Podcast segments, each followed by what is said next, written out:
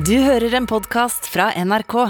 Da jeg gikk og la meg i går, så var hodet mitt fullt av uh, fylkesgrenser og kommunegrenser og uh, ja, splid mellom uh, Arbeiderpartiet og Senterpartiet i Oppland, eller Innlandet fylkeskommune. Og da jeg våknet, så var vi i krig, Europa. Så da var det jo bare én ting å, å gjøre, og det var selvfølgelig å kaste om og på en dag som det her, så er det alltid vanskelig når vi kommer så sent på. ikke sant? Ti på halv ti. Da Vi må jo følge utviklingen. Så vi må ha et øye med det som faktisk skjer. Samtidig så må vi treffe riktig på deltakerne. Ikke det at det var noen fare for at noen av dem kom til å bli utdatert til kvelden, men, men likevel. Eh, man må jo på et eller annet tidspunkt bestemme seg for hvilken debatt vi vil avholde, da. Så det er utfordringen på sånne dager da, da det utvikler seg så eh, raskt, og så mye skjer. Vi følte det var ganske stort behov her, både for egen del, men vi håper også for uh, seernes og uh, publikums del, en interesse for, eller behov for å vite mer om det Putin hevder om Ukraina, og at det ikke er en nasjon, om det stemmer. Og, så det setter vi av en god del tid til, rett og slett. Å fyke gjennom Ukrainas uh, tusen år lange historie. Uh, og konklusjonen, jeg kan jo spoile det først som sist, det er at det stemmer ikke.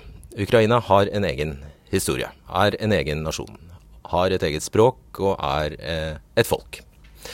Ifølge vår ekspert, i hvert fall, men det later til at de fleste er jo enige om det, da.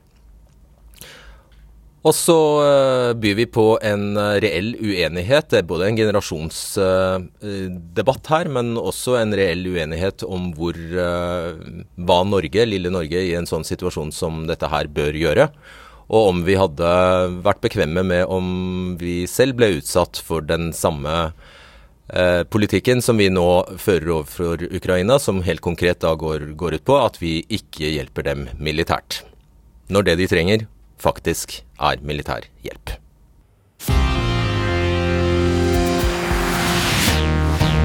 Siden Berlinmurens fall egentlig, har norske politikere med optimisme snakket om økonomisk vekst, flere demokratier i verden, færre kriger. Etter at den kalde krigen var over, har Norge bare gjort én ting bygge ned Forsvaret. Helt fram til Vladimir Putin plutselig en dag hadde tatt Krimhalvøya. Da bestemte de seg for å begynne å bruke noe mer penger på å forsvare oss. Så hva gjør de nå, da, når Putin vil forsyne seg av hele Ukraina? Velkommen utenriksminister Anniken Huitfeldt, Venstre-leder Guri Melby, unge Høyre-leder Ola Svenneby. Med oss fra New York er Høyre-leder Erna Solberg, og med oss fra Valdres er SV-leder Audun Lysbakken. Ola Svenneby, du er født i 1997. Død over 90-tallet, skriver du i en kronikk i dag, og kaller en hel generasjon grenseløst naive. Mm. Hvorfor? Jeg har vært av flertallet av generasjonen som disse tilhører. Det er fordi at jeg tror ikke det finnes noen annen generasjon som har hatt et så godt utgangspunkt for å skape verdensfred og økonomisk vekst, og i dag så ser vi egentlig resultatene. Og så er det mange som snakker som om de er overrasket. Men det er 20 år siden eh, Putin drev krig mot sine egne innbyggere i Tsjetsjenia. Det er 14 år siden han invaderte Georgia. Det er åtte år siden han annekterte Krim. Åtte år har han drevet krig i Øst-Ukraina. Han har blandet seg inn i amerikanske valg. Han har begått IT-angrep mot det norske Stortinget. Han har bombet sivilbefolkningen i Syria og støtter diktatoren der. Og så skal man være overrasket nå. Jeg syns det er naivt at man ikke har satt inn de tiltakene som trengs. At man ikke har stoppet en ny autoritær verdensmakt som truer vår, eh, vårt levesett. Og Det er klart at det kommer til å koste noe. Men er det noe Norge har tjent penger på, så er det en liberal verdensorden med respekt for, for små demokratier, for små land. Og den verdensorden den er nå i spill, og jeg mener at min foreldregenerasjon med politikere faktisk må bære en stor del av ansvaret for at de ikke har gjort jobben sin. Og Det skal vi selvfølgelig straks eh, debattere, Ola Svenneby. Inntil for eh, få dager siden sa de aller fleste ekspertene at de trodde Putin ikke ville gå til krig. Og alle har inntil det siste håpet på det. Men har vi da egentlig hørt etter og fulgt med på hva Vladimir Putin siden 2012 eh, har sagt og gjort? Senest mandag holdt han en timelang tale der han sa at Ukraina egentlig ikke er et land. At det ikke har en egen historie, nasjonale tradisjoner eller til og med et eget språk. Putin forteller en historie der sovjetkommunistene bare fant opp Ukraina, men at det da ikke betød noe særlig fordi Sovjetunionen var ett land. Nå vil Putin ha, tilbake det han mener er russernes land. Putin sier altså at ukrainerne ikke er et folk, at alt var og er Russland. Vi skal nå spole 1000 år tilbake. Og så skal vise noen, Vi skal vise noen kart her eh, som vi har eh, lånt fra Washington Post. Det som er eh, viktig å få med seg her, er at Den grønne streken viser dagens grenser for Ukraina. Og som sagt, Vi er nå 1000 år tilbake i tid. Sentrum her er Kyiv. Og tvers gjennom Kyiv renner elva Dnepr. Så Vi snakker her om russernes rike. Men hvem er russerne, eller hvem var russerne, Martin Paulsen, instituttleder ved Institutt for fremmedspråk ved Universitetet i Bergen? Russ var jo egentlig betegnelsen på folk som kom fra Skandinavia til dette eh, området. Og så smitta denne eh, betegnelsen over på området, og etter hvert folk som bodde på dette eh, området. Så du kan si at Det vi så på kartet, det var jo at eh, det var to hovedfartsårer som på en måte spilte en viktig rolle i etableringa av Kyivriket. Det var elva Dnipro, eh, som forbandt nord med sør. Og så var det steppene, da, som forbandt øst med, med vest. Og Der eh, oppsto Kyivriket. Nå tror jeg de fleste la merke til at du, du, sa noe, du brukte et annet navn for denne elva, som vi vanligvis kaller eh, Dnepr. Vil du forklare det først som sist? Ja, På en dag som i dag så er det jo ekstra viktig å bruke de ukrainske betegnelsene for ukrainske elver. og Da er det viktig å si Kyiv og det er viktig å si Dnipro. Hvilken forskjell er det mellom eh, russisk og ukrainsk? egentlig? Ja, For meg som behersker begge språkene, så vil jeg si at det oppleves som å være som forskjellen mellom norsk og dansk. egentlig. Okay. Så, men det du sa uh, først her, det er jo altså utvandring fra Skandinavia, faktisk. Så det vandrer en del russere og ukrainere rundt uh, og er etterkommere av uh, nordmenn. Norske vikinger. Ja, du kan si at skandinavene fikk en veldig viktig rolle pga. den kompetansen de hadde både på handel, på krigføring og på statsmannskunst, egentlig.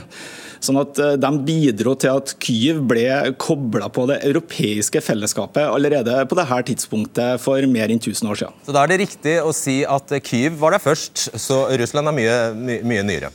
Ja, altså Moskva var jo på dette tidspunktet en bakevje i skogene i Øst-Europa. Så det er helt klart at Kyiv eh, var en mye tidligere by enn det Moskva er.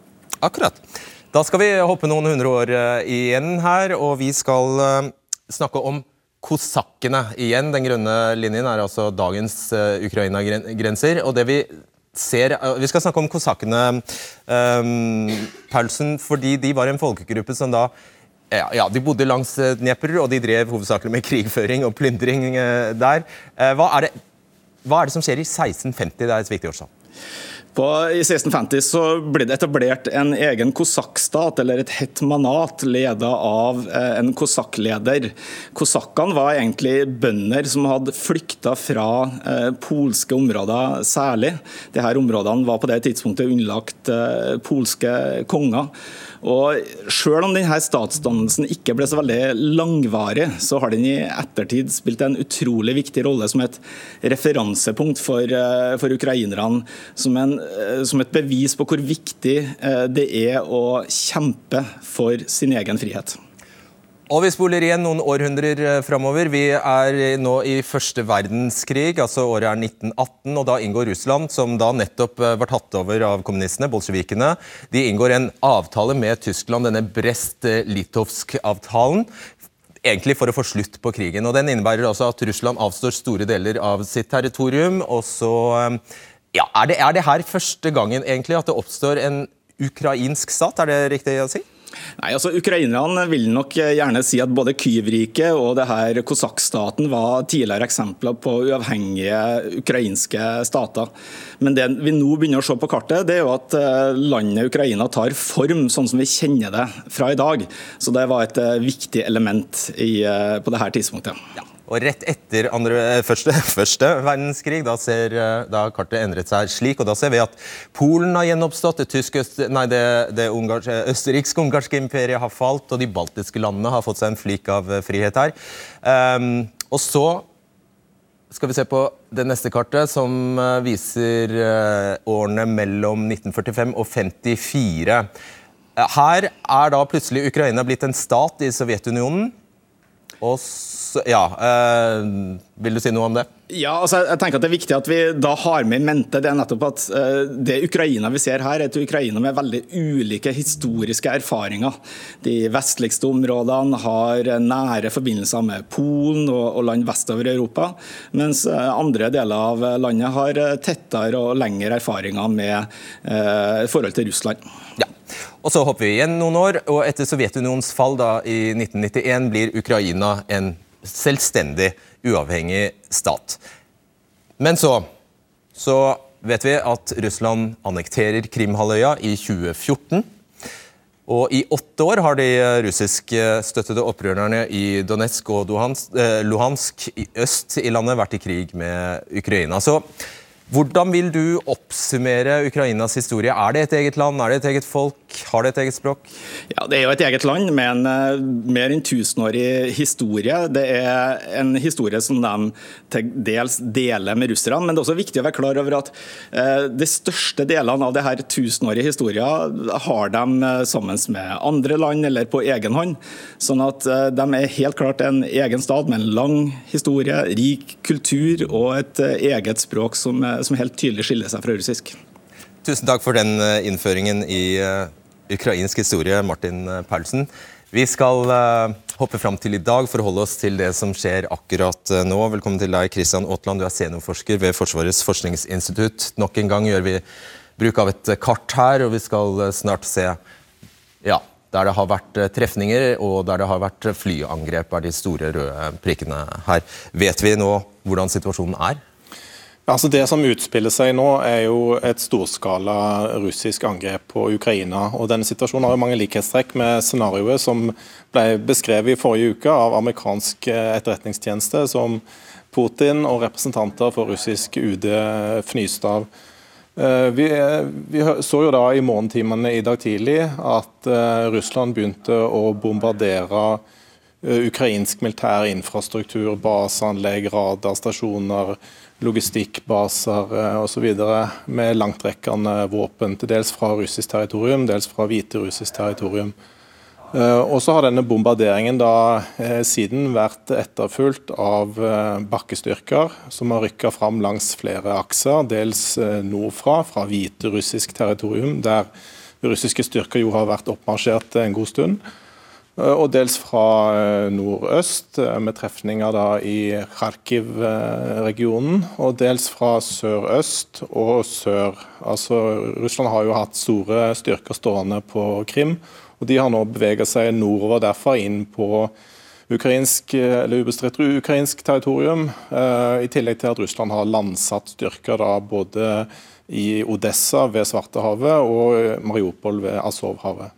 Ja, og folk er drept? Disse styrkene møter jo militær motstand fra ukrainsk side. Da du, du, satt, du, så denne talen som han holdt Putin i natt klokka fire, hva, vil, hva tror du han ønsker å oppnå så, militært og politisk? Ja, Han kommer jo med noen hint. da Det var to begreper som jeg noterte meg i, i denne talen. Det ene var jo dette med demilitarisering av Ukraina, som handler om nettopp dette jeg snakket om nå. altså En desimering av Ukrainas militære evne. Og Siktemål der er jo naturligvis å redusere Russ Ukrainas evne til å yte militær motstand til disse framrykkende eh, russiske styrkene. Det andre begrepet var jo dette med denazifisering. Uh, altså denne forestillingen om at president Zelenskyj og hans regjering er en junta en gjeng med nazisympatisører, og at Putin da på en måte skal Eh, redda Ukrainas befolkning fra, fra, dette regimet. og Det indikerer jo at ambisjonen her er rett og slett regimeendring. Å avsette Zelenskyj-regjeringen, som har vært så kritisk til ham. Ja. Og Da må man jo rykke fram til den ukrainske eh, hovedstaden. og Mange av disse aksene peker jo mot eh, Kiev, og man, man er kommet et veldig godt stykke på vei, da, særlig, særlig nordfra. Ja, Foreløpig Eh, takk og lov så er det begrenset til ukrainsk territorium, hvis det er lov å si. Kan det utvikle seg til en storkrig? Eh, det er jo allerede en storkrig på ukrainsk territorium, men risikoen kan du si for spredning videre f.eks. vestover til Ukrainas naboland. altså Ukraina deler jo grense i vest med flere Nato-land. Polen, Slovakia, Ungarn, Romania. Risikoen for en spillerovereffekt, at, at det skal føre til kamphandlinger der, er, er liten, iallfall på, på kort sikt. Ehm, men eh, de humanitære implikasjonene av denne krigen er jo formidable. Eh, særlig fordi krigen nå foregår over store deler av Ukrainas territorium, ikke bare helt i øst, den har vært tidligere. Og Krigen i øst har jo allerede krevd 14 000 menneskeliv på de eh, åtte årene som, som den har vart. Og dette til tross for at dette er jo bare 2,5% av Ukrainas territorium. Nå er man over hele Ukrainas territorium, eller iallfall kan komme dit på, på, litt sikt. og Det vil jo indikere at tapstallene vil gå opp. Og I denne situasjonen er det jo veldig viktig da, at omverdenen eh, kommer Ukraina til unnsetning, politisk, økonomisk, og hjelper dem med å håndtere det som kan bli en formidabel flyktningkrise, f.eks. Takk skal du ha, Kristian Aatland. Ja, Anniken Huitfeldt, eh, er dere villige til det? Er dere, står dere klare? Har dere en plan for det, som Aatland sier her? Ja, den planen Aatland snakker om, eh, med full politisk eh, støtte, og også med en massiv pakke med økonomiske sanksjoner, det har EU eh, e blitt nesten enige om, og amerikanerne backer opp omkring den. Slik at det vil være en veldig kraftig reaksjon fra det vestlige samfunn, som helt åpenbart vil få konsekvenser for Putin. Militært, da? Nei, vi stiller ikke opp militært. Det er jo en del andre Nato-land som sender inn våpen. I Norge har vi et regelverk som forbyr det, og det har vi hatt siden 1959. Og Hvis Norge skulle bli angrepet, så krysser du vel alt du har av fingre og tær for at ingen andre land holder seg med en sånn politikk? Jo, men innenfor Nato har vi en annen politikk. slik at Når vi er medlem av Nato, så eksporterer vi våpen oss imellom. Guri Melby, du har gått uh, lengre. Du uh, vil sende soldater til Øst-Europa, altså vel å merke Nato-landene i Øst-Europa. Hvorfor det? Nato har jo en egen styrke, Natos Response Force, som er ment å kunne rykke inn i denne type kriser. Bl.a. blant annet ble det jo aktualisert etter at Russland gikk inn og tok over Krim. Da så man jo at man ikke hadde den styrken man trengte for å kunne reagere i denne type situasjoner. Jeg vil understreke at altså, Nato-styrker skal hjelpe Nato-allierte. Det er en forsvarsstyrke som skal støtte Nato-land. Men som det har blitt pekt på her, det er jo veldig mange Nato-land som ligger da i randsonen til både Ukraina og Russland, som nå opplever en økt utrygghet. Og Da mener vi at det har vært viktig å si tydelig fra om at dersom de styrkene skal brukes, så bør også Norge stille opp der. Og da, Konkret, hva ber du regjeringen gjøre? Jeg ber, altså Det vi ber om, er jo at Norge skal være tydelig på at vi bidrar, og at også Norge i Nato-sammenheng bør være tydelig på at disse styrkene kan brukes i den sammenhengen. Jo, men du Melby sier jo også at disse styrkene i dag ikke skal sendes inn til Ukraina. Det har jeg aldri sagt. Nei, så slik at Det som er veldig viktig å forstå er Det har hun ikke sagt, sier hun. Ja. Mm. Jo, men det som er veldig viktig å forstå er at det viktigste Norge gjør i Nato, og det har også alle allierte bedt oss om å gjøre, det er å passe på i nord. Vi bor altså 100 km fra Russlands aller største militære arsenal av atomvåpen, så vi må holde kontroll der. Og Derfor har vi sagt at vi sender flere soldater til Litauen.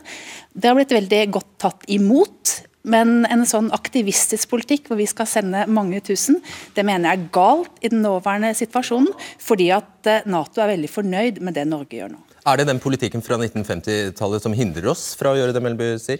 Nei. Nei. Det Melby snakket om uh, først, det var jo det å selge våpen. Det har jeg ikke oppfatta at Venstre vil endre på. Men derimot så ønsker hun å sende flere soldater inn til andre Nato-land, og det er en annen situasjon. Jeg er litt usikker på om utenriksministeren bevisst feiltolker meg i de uttalelsene han har hatt. Venstre har ikke tatt til orde for at vi skal selge våpen Nei, til Ukraina. Det tror jeg først og fremst ikke vil være en løsning som bidrar til noe som helst i Ukraina akkurat nå. og Det er en grunn til at vi har det regelverket vi har. Men vi, altså, spørsmålet er jo hva slags holdning Norge skal ta. Om vi skal sitte og vente på initiativ fra Nato initiativ fra EU, eller om vi skal ta en mer aktiv rolle. Men Norge skal ikke sende egne styrker, og Norge skal ikke gå inn i Ukraina. Men vi skal være med, og vi må være veldig tydelige på at den eneste veien for å løse denne situasjonen, det er mer internasjonalt samarbeid, og at Europa står sammen. Ja, men For ukrainerne så tror jeg den eneste løsningen er å gi dem en mulighet til å kjempe. Og Jeg er helt, helt enig med, med utenriksministeren at det regelverket som gjør at vi ikke kan selge våpen, det er fra 1959. Men jeg tror ikke vi har hatt en tilsvarende situasjon i Europa siden 1959.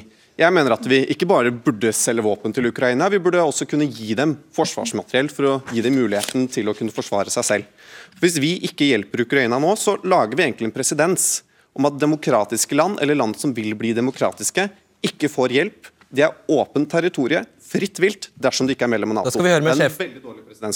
Vi skal høre med sjefen din om hun er enig. Erna Solberg, du er leder for eh, Høyre. Du er med oss fra New York, og du har bursdag i dag. Gratulerer med dagen. Takk. Hva syns du om dette?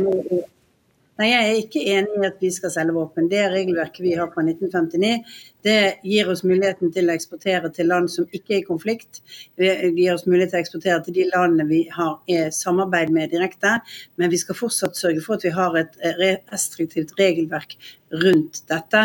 Eh, også fordi at det er et bolverk for alle andre som ønsker å kjøpe våpen i konfliktsituasjoner, og vi har latt være å gjøre det. Så hva, er alternativet ditt, Erna, hva er da alternativet som Svenneby peker på for ukrainerne som nå trenger våpen?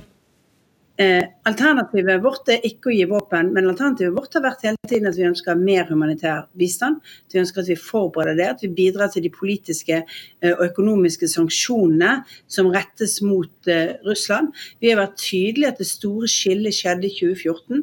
Da sa daværende forsvarsminister at eh, det var for eh, alltid et endret forhold til, til Russland etter at de annekterte Krim.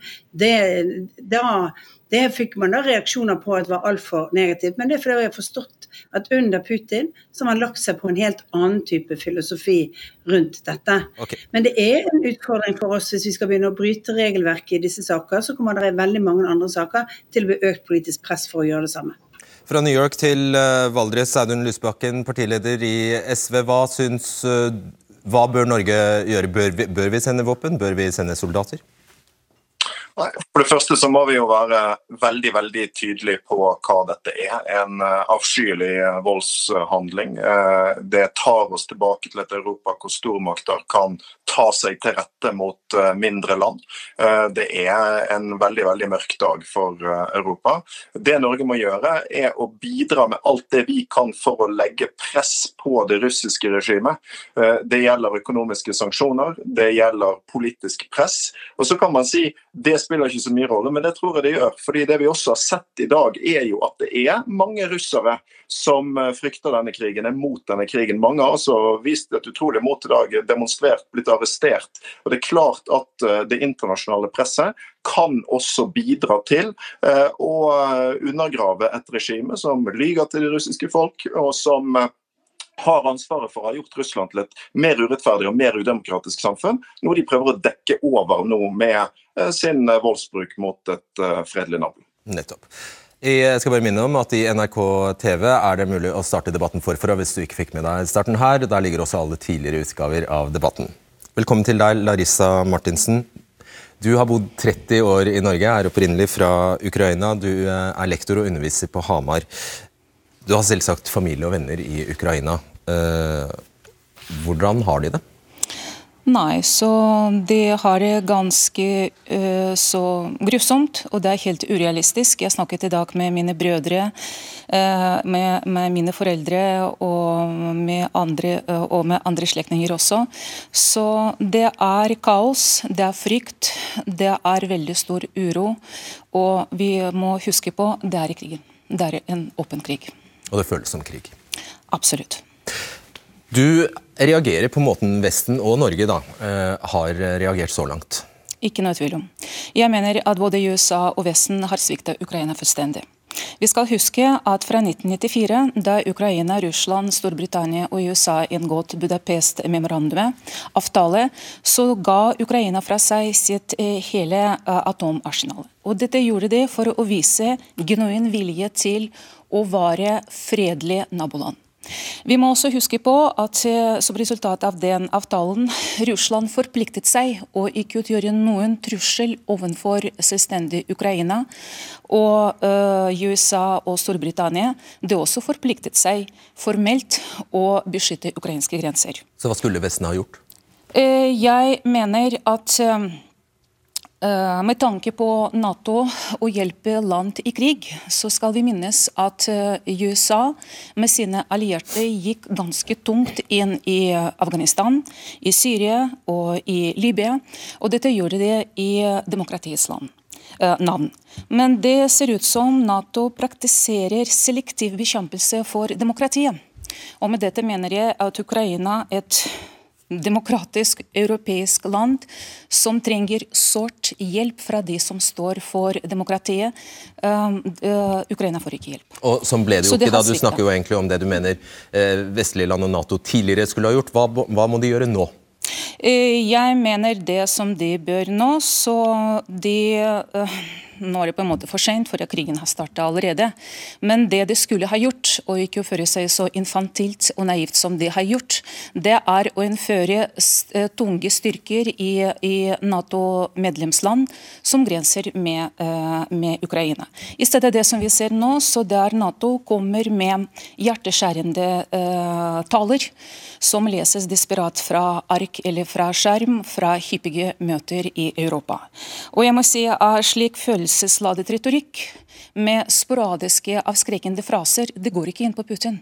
Og det hjelper ikke det, Ukraina heller. Og sanksjoner. Dette er også altså før krigen starta i dag, så skulle uh, Nato-land innføre sanksjoner som skulle fungere for å vise Putin at det menes alvor. For, for Vi må bare huske at Putin han forstår kun ett språk, og det språket heter uh, uh, maktens språk, besluttsomhet, og det heter konkrete tiltak. Og Det er det som Nato klarer ikke vise i dag. Nato må fremstå, fremstå som sterk organisasjon, men tydelig og sterk ledelse, og det ser vi ikke i dag. Larissa Martinsen, tusen takk og lykke til.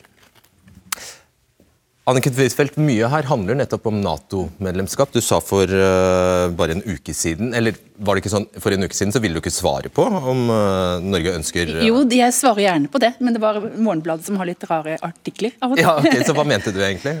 Det som er viktig for oss, er at vi har gått inn med veldig mange hjelpetiltak til Ukraina. fordi at Skal du bli medlem av Nato, så må du ha avklarte grenser, og så må du ha kommet et stykke da, i den demokratiske utviklinga. Det er jo nettopp sånne hjelpetiltak som Norge har drevet overfor Ukraina i mange år, og som vi vil fortsette med. Men den situasjonen vi befinner oss i, og der, som gjør virkelig at Ukraina føler seg helt forlatt, er jo nettopp at de står uten noe som helst forsvarsverk utenom seg selv. fordi de har ikke fått bli Nato-medlemmer, likevel så er det eskalert til dette. Ja, Det er den fortvila situasjonen som de står i. Men vi har jo aldri gjort sånn før at vi har gått inn med soldater for å redde et demokrati i seg sjøl. Så det å sammenligne sånn uten videre med situasjonen i Afghanistan, så det kan vi nesten ikke gjøre. Men det som er viktig er jo at det, det er jo en del Nato-land som har bidratt veldig massivt til å bygge opp det ukrainske forsvaret. Det må vi ikke glemme, men Norge har spilt en annen rolle og bidrar nå også med mye humanitær hjelp. Jeg, er uenig i at det er søkt å sammenligne med situasjonen i Afghanistan. Situasjonen i Afghanistan, Det er veldig få i dag som mener at det var en dundrende suksess. Men det er et ganske godt eksempel på hvor langt Arbeiderpartiet for eksempel, og Høyre var villige til å gå. Så langt var man villig til å gå at man brukte 20 år, helt enormt mye penger, for et eller annet mål. Samtidig så har vi de samme politikerne fra de samme partiene som ville gå inn i Afghanistan, som ville bombe Libya, som ikke engang vil forsyne Ukraina med våpen. Og så er jeg helt enig med deg at Mange av disse regelverkene til, Ukraina, er, regelverket til Nato sikkert er kloke. Men det gjør at land er bondefanget. For det gjør at ethvert land som er i ferd med å bli et demokrati, som eh, utvikler seg til et demokrati, eller som er demokrati, som vil alliere seg med Nato, men som ikke er det, det er fritt vilt. Det er ingen som kommer til å stille opp. Og Vi skal være veldig glad for at andre land ikke har den samme politikken som Norge, og ta Gud for at Danmark, Storbritannia og alle Nato-land gjør det vi burde ha gjort, som er å gi ukrainerne en mulighet til å forsvare seg selv. Erna Solberg. Ja, jeg synes Det er veldig viktig å huske på at eh, både Syria og Afghanistan dreide seg om internasjonal terrorisme. Det dreide seg om angrep, faktisk et artikkel 5-angrep på NATO, et Nato-land. Eh, så, så det er en annen situasjon. Så er det viktig å huske at det som skjedde i 2014, var at eh, den positive utviklingen som hadde vært i mange land som har blitt medlem av EU, som var blitt medlem av Nato, sporet ungdom i Ukraina til å si nei til den russiske veien. Og så har man jobbet systematisk for, å, for at Ukraina skal kunne møte kriteriene for at de kunne bli et Nato-land. Men problemet og utfordringen med det er jo at vi fortsatt har vært for korrupt, fortsatt ikke har vært demokratisk nok, fortsatt ikke møtt de, de, de grensene som vi har. I tillegg har de et styrker fra andre land på egen jord, som også gjør det vanskelig å bli et Nato-land. Men du skjønner jo eh, poenget til Svenneby Erna, Erna Solberg. Det, det, det, er jo at vi, vi kaster oss på Bush og invaderer eh, Afghanistan, men når det blir krig ved vår egen dørstokk, så, så er vi hjelpeløse. Det er jo poenget. Vi kastet oss ikke på Bush det var nesten 4000 mennesker som døde i den byen jeg er i nå, etter et angrep fra internasjonal terrorisme med utgangspunkt i en organisasjon i eh, Afghanistan. Og Det var for å slå tilbake internasjonal terrorisme som var et angrep på et land vi, som var medlemmer av Nato. Vi gjorde dette. Det er vår sikkerhetsgaranti å stille opp for dette. Den eneste gangen artikkel 5 er brukt. Og nå må man være litt ryddig i den diskusjonen er om hva som er årsaken til at vi har vært til stede i ulike land.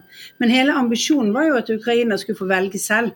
Og det vi har gjort i disse årene etter murens fall, det er jo å bygge opp det internasjonale rammeverket med lov og rett, som skulle si at hvert land har lov til å velge sin egen skjebne. Det er ikke disse interessesfærene for de store maktene som skal være bestemmende. Men jeg må bare si, hvis du har vært statsminister i et land, og jeg har tilfeldigvis vært det, så har du veldig høy terskel for å tenke at du skal sende norske ungdommer inn for å dø i andre land, som vi ikke har forpliktet oss til å gjøre. Og Det er en av de tingene hvis vi skulle gått inn med enda mer f.eks. militære styrker. Derfor er det viktig å hjelpe og forebygge i forhold til landene rundt, som vi har en forpliktelse for, men det er der ansvaret ligger. Svar veldig kort, så skal vi videre. Jeg er enig i at situasjonen var, utgangspunktet var annerledes. og så har jeg heller ikke ment at vi skal sende inn soldater. Men poenget er likevel dette. Det er et illustrasjon på hvor langt vi er villige til å gå. Vi burde gå mye lenger. Vi burde innført strengere sanksjoner. Vi burde stengt de ute fra internasjonale finansmarkeder. Vi valgte å ikke gjøre det med Russland, og nå betaler vi prisen for det.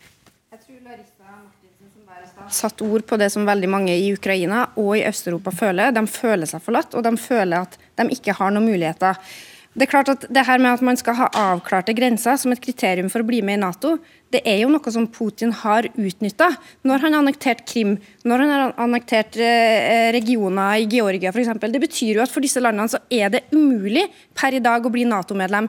Og Det som vi har løfta i Venstre, det er jo at nå når verden er annerledes, den er annerledes nå enn da vi gikk og la oss i går kveld, så må vi også kunne diskutere om ikke vi skal greie å håndtere det her på en annen måte. Det kan ikke være sånn at fordi at Putin har sørga for disse frosne konfliktene, så har ikke vi en mulighet til å jobbe for demokrati og for frihet for mennesker som er i vårt nabolag. Audun, det kan vi. Eh, ja, straks, uh, Huitfeldt. Audun Lysbakken, uh, det, det, er jo mange som ikke klarer å dy seg, og som påpeker at uh, SV, SV, som parti er fremdeles imot Nato, at det som skjer nå egentlig burde være spikeren i kista for en sånn politikk.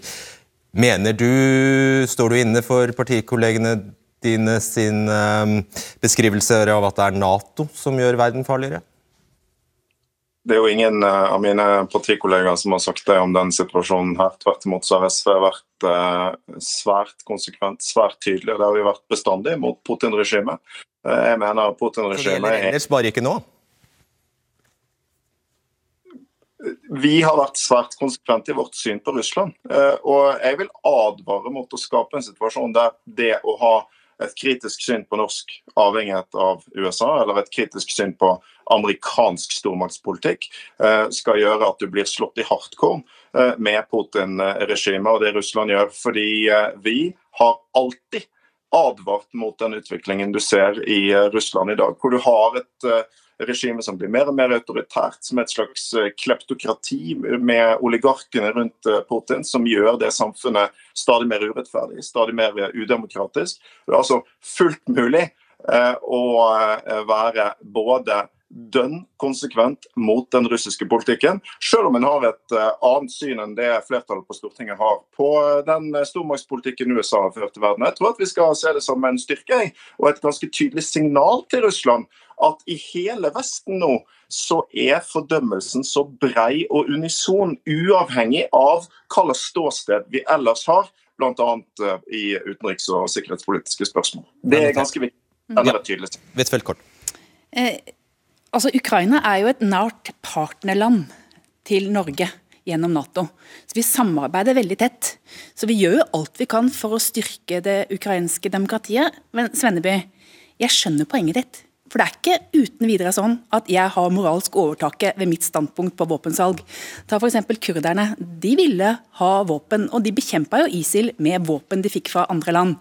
Men det er også noen problemer, og det har vi jo sett i Afghanistan, da Kabul ble inntatt og amerikanske våpen ble brukt av Taliban. Slik at det er en del problemer knytta til det. Men de får altså våpen fra en god del andre Nato-land, og vi samarbeider tett med dem på forsvarssiden. Vi må ha en Hans Petter Midthun her. Du er tidligere norsk forsvars forsvarsattaché i Ukraina. og Forrige uke hadde du en kronikk i Dagbladet med tittelen 'Konflikten i Ukraina overdreven frykt'. For du trodde det ikke det var særlig sannsynlig med en russisk invasjon. Hva sier du i dag? Nei, jeg tok jo feil i omfanget, det må jeg vel gjerne innrømme. Det finnes veldig mange gode grunner til at Russland ikke vil bli stående og ikke vil kunne okkupere Ukraina uten å bli stående fast i en hengemyr. Eh, men så har de til gjengjeld gjort eh, scenario to, som, som ligner det som eh, USA-koalisjonen gjorde i Irak i 2003. Men ja, jeg var litt overrasket i dag morges. Og Så sier du at ingen av Norges bidrag de som vi har diskutert litt her, hjelper Ukraina til å overleve som stat. Hva burde vi gjort? Nei, vi, vi, vi, jeg syns vi i Norge har vært opptredd feil feigt. Vi, også, vi, refereres til en eh, regel fra 1959 som også reguleres av den lovgivende forsamling. Den lovgivende forsamling står også fritt til å endre den. I den regelen så skiller vi ikke mellom en offer og aggressor. Altså hvor aggressor, Russland, får anledning til å bygge opp sitt forsvar, flytte styrker nærmere, modernisere sitt forsvaret og forberede seg på det som kom, som vi alle, alle, alle har visst i åtte år at Russland ønsker å, å vinne ja, så sitter vi og nekter Ukraina retten til å bygge opp et, et, eh, avskrekking, altså et reelt forsvar. Ukraina har aldri bedt oss om å slåss for dem. De har bedt om virkemidler, verktøyene, for selv kunne slåss effektivt. Og Det er hele, hele essensen i vår egen forsvarspolitikk. At Forsvarets viktigste oppgave er å hindre at krig skjer. Vi har nektet å bidra til at krig skjer i Ukraina.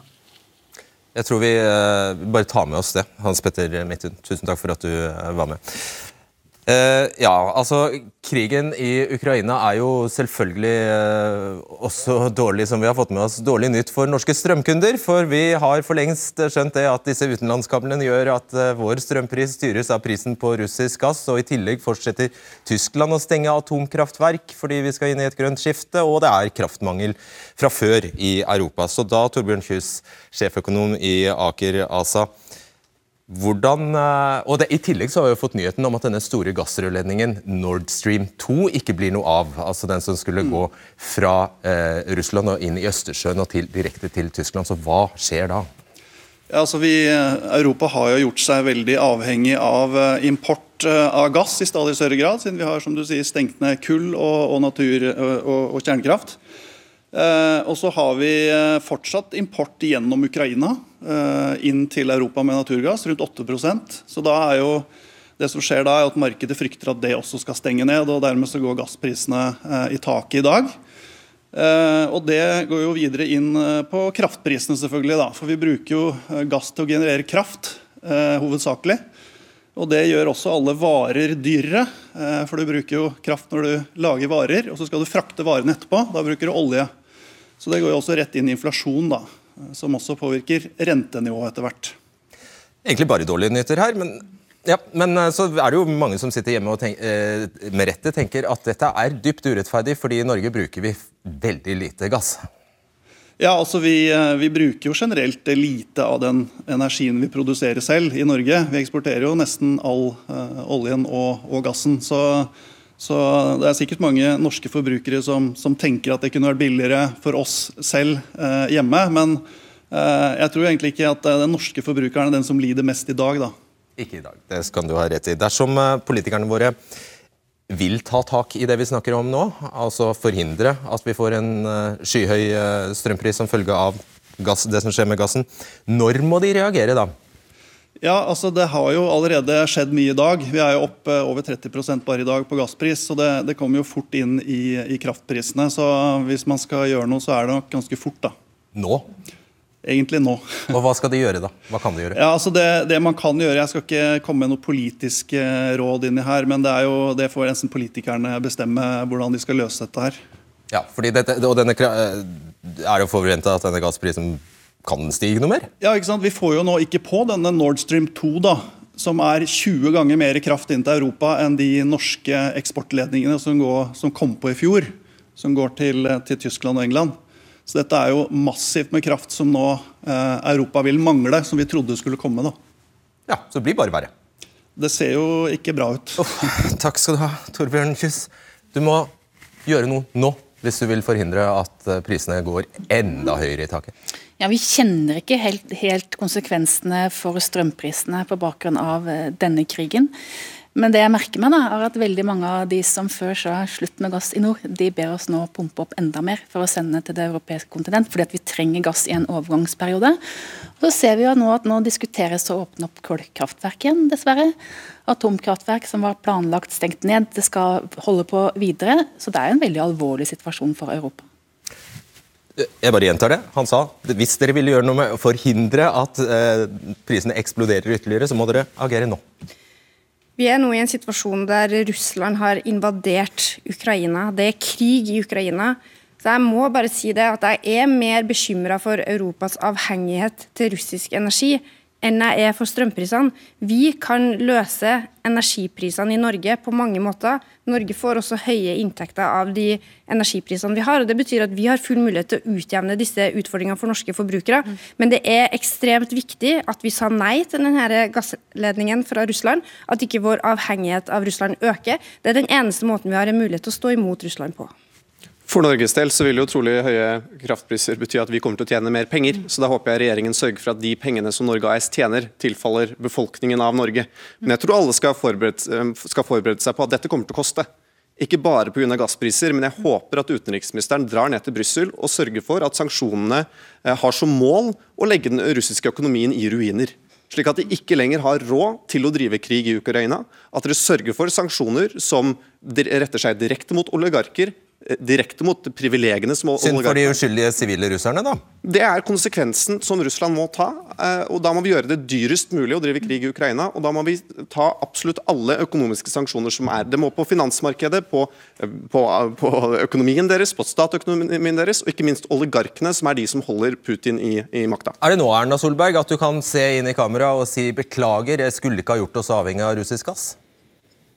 Vi er ikke avhengig av russisk gass, vi eksporterer gass. Men Europa har gjort seg veldig avhengig av russisk gass. og Det har vi hatt mange sikkerhetspolitiske diskusjoner om. og er også en grunn til at vi har vært skeptiske til Nord Stream 2, at det blir enda mer av det. Men så har jeg lyst til å si det at Norge kommer til å vinne på høye gasspriser. Vi, når strømprisene er høye, så får både stat og de kommunene som eier selskaper, masse mer inntekter. Vi kan utjevne dette, og det må vi gjøre enda bedre enn det vi har klart så langt. Bl.a. må mange flere små og mellomstore bedrifter kunne få støtte i, i, tiden fremover.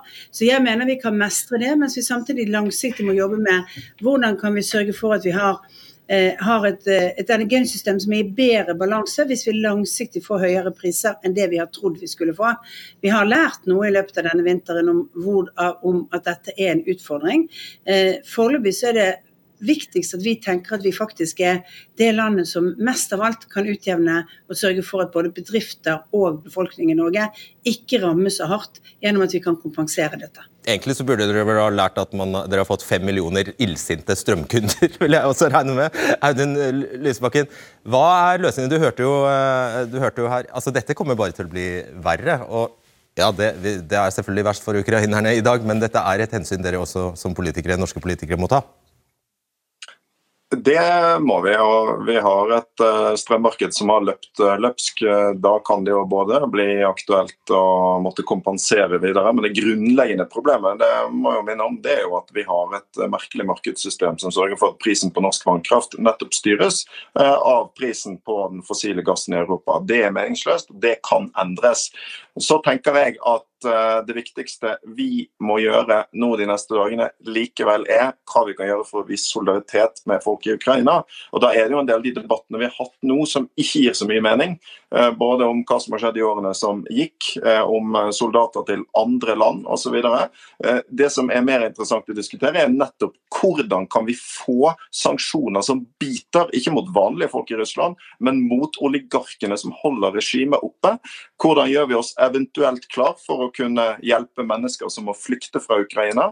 Hvordan kan vi bygge opp et press mot det russiske regimet som eh, faktisk kan også oppmuntre og hjelpe de mange russere som vi må håpe eh, ikke ønsker denne krigen. Er målet med sanksjonene som Svenneby å legge Russlands økonomi i grus? Eh, jeg tar imot den utfordringen som Svenneby kommer med. Han kommer til å se sanksjoner eh, som kommer til å være av en annen dimensjon enn det vi har sett tidligere. Eh, jeg snakka med det amerikanske utenriksdepartementet rett før jeg kom hit, og snakket med flere europeiske kollegaer i dag. Og vi er forberedt på en massiv pakke som kommer til å ramme hardt. Altså jeg tror Det vi må vise fram nå, det er at Europa og sammen med USA må stå sammen, men Norge bør og kan gå foran. Sanksjoner det vil ikke bare koste for Russland, det vil også koste for Europa og det vil koste for Norge. Men den prisen bør vi betale, for det handler om fred og frihet i Europa. Og vi er klare hvis det kommer en flyktningstrøm nå? Vi må være forberedt på at det kommer eh, flyktninger fra Ukraina. Vi ser jo bilder. Folk eh, reiser ut fra Kiev. Men så vet vi ikke hva som blir resultatet av denne krigen, så det er for tidlig å si noe om det. Men det er veldig viktig å stille opp med humanitær hjelp nå. For nå er det mange som flykter hjemmefra. De trenger mat, de trenger klær, de trenger et sted å bo, de trenger medisiner. Og Det har jo FN starta arbeidet med, og det er jo Norge en eh, stabil og trygg giver til FN-samfunnet. Takk skal dere ha. Podkasten av debatten er klar om en halvtimes tid. Takk for i kveld, på gjensyn tirsdag.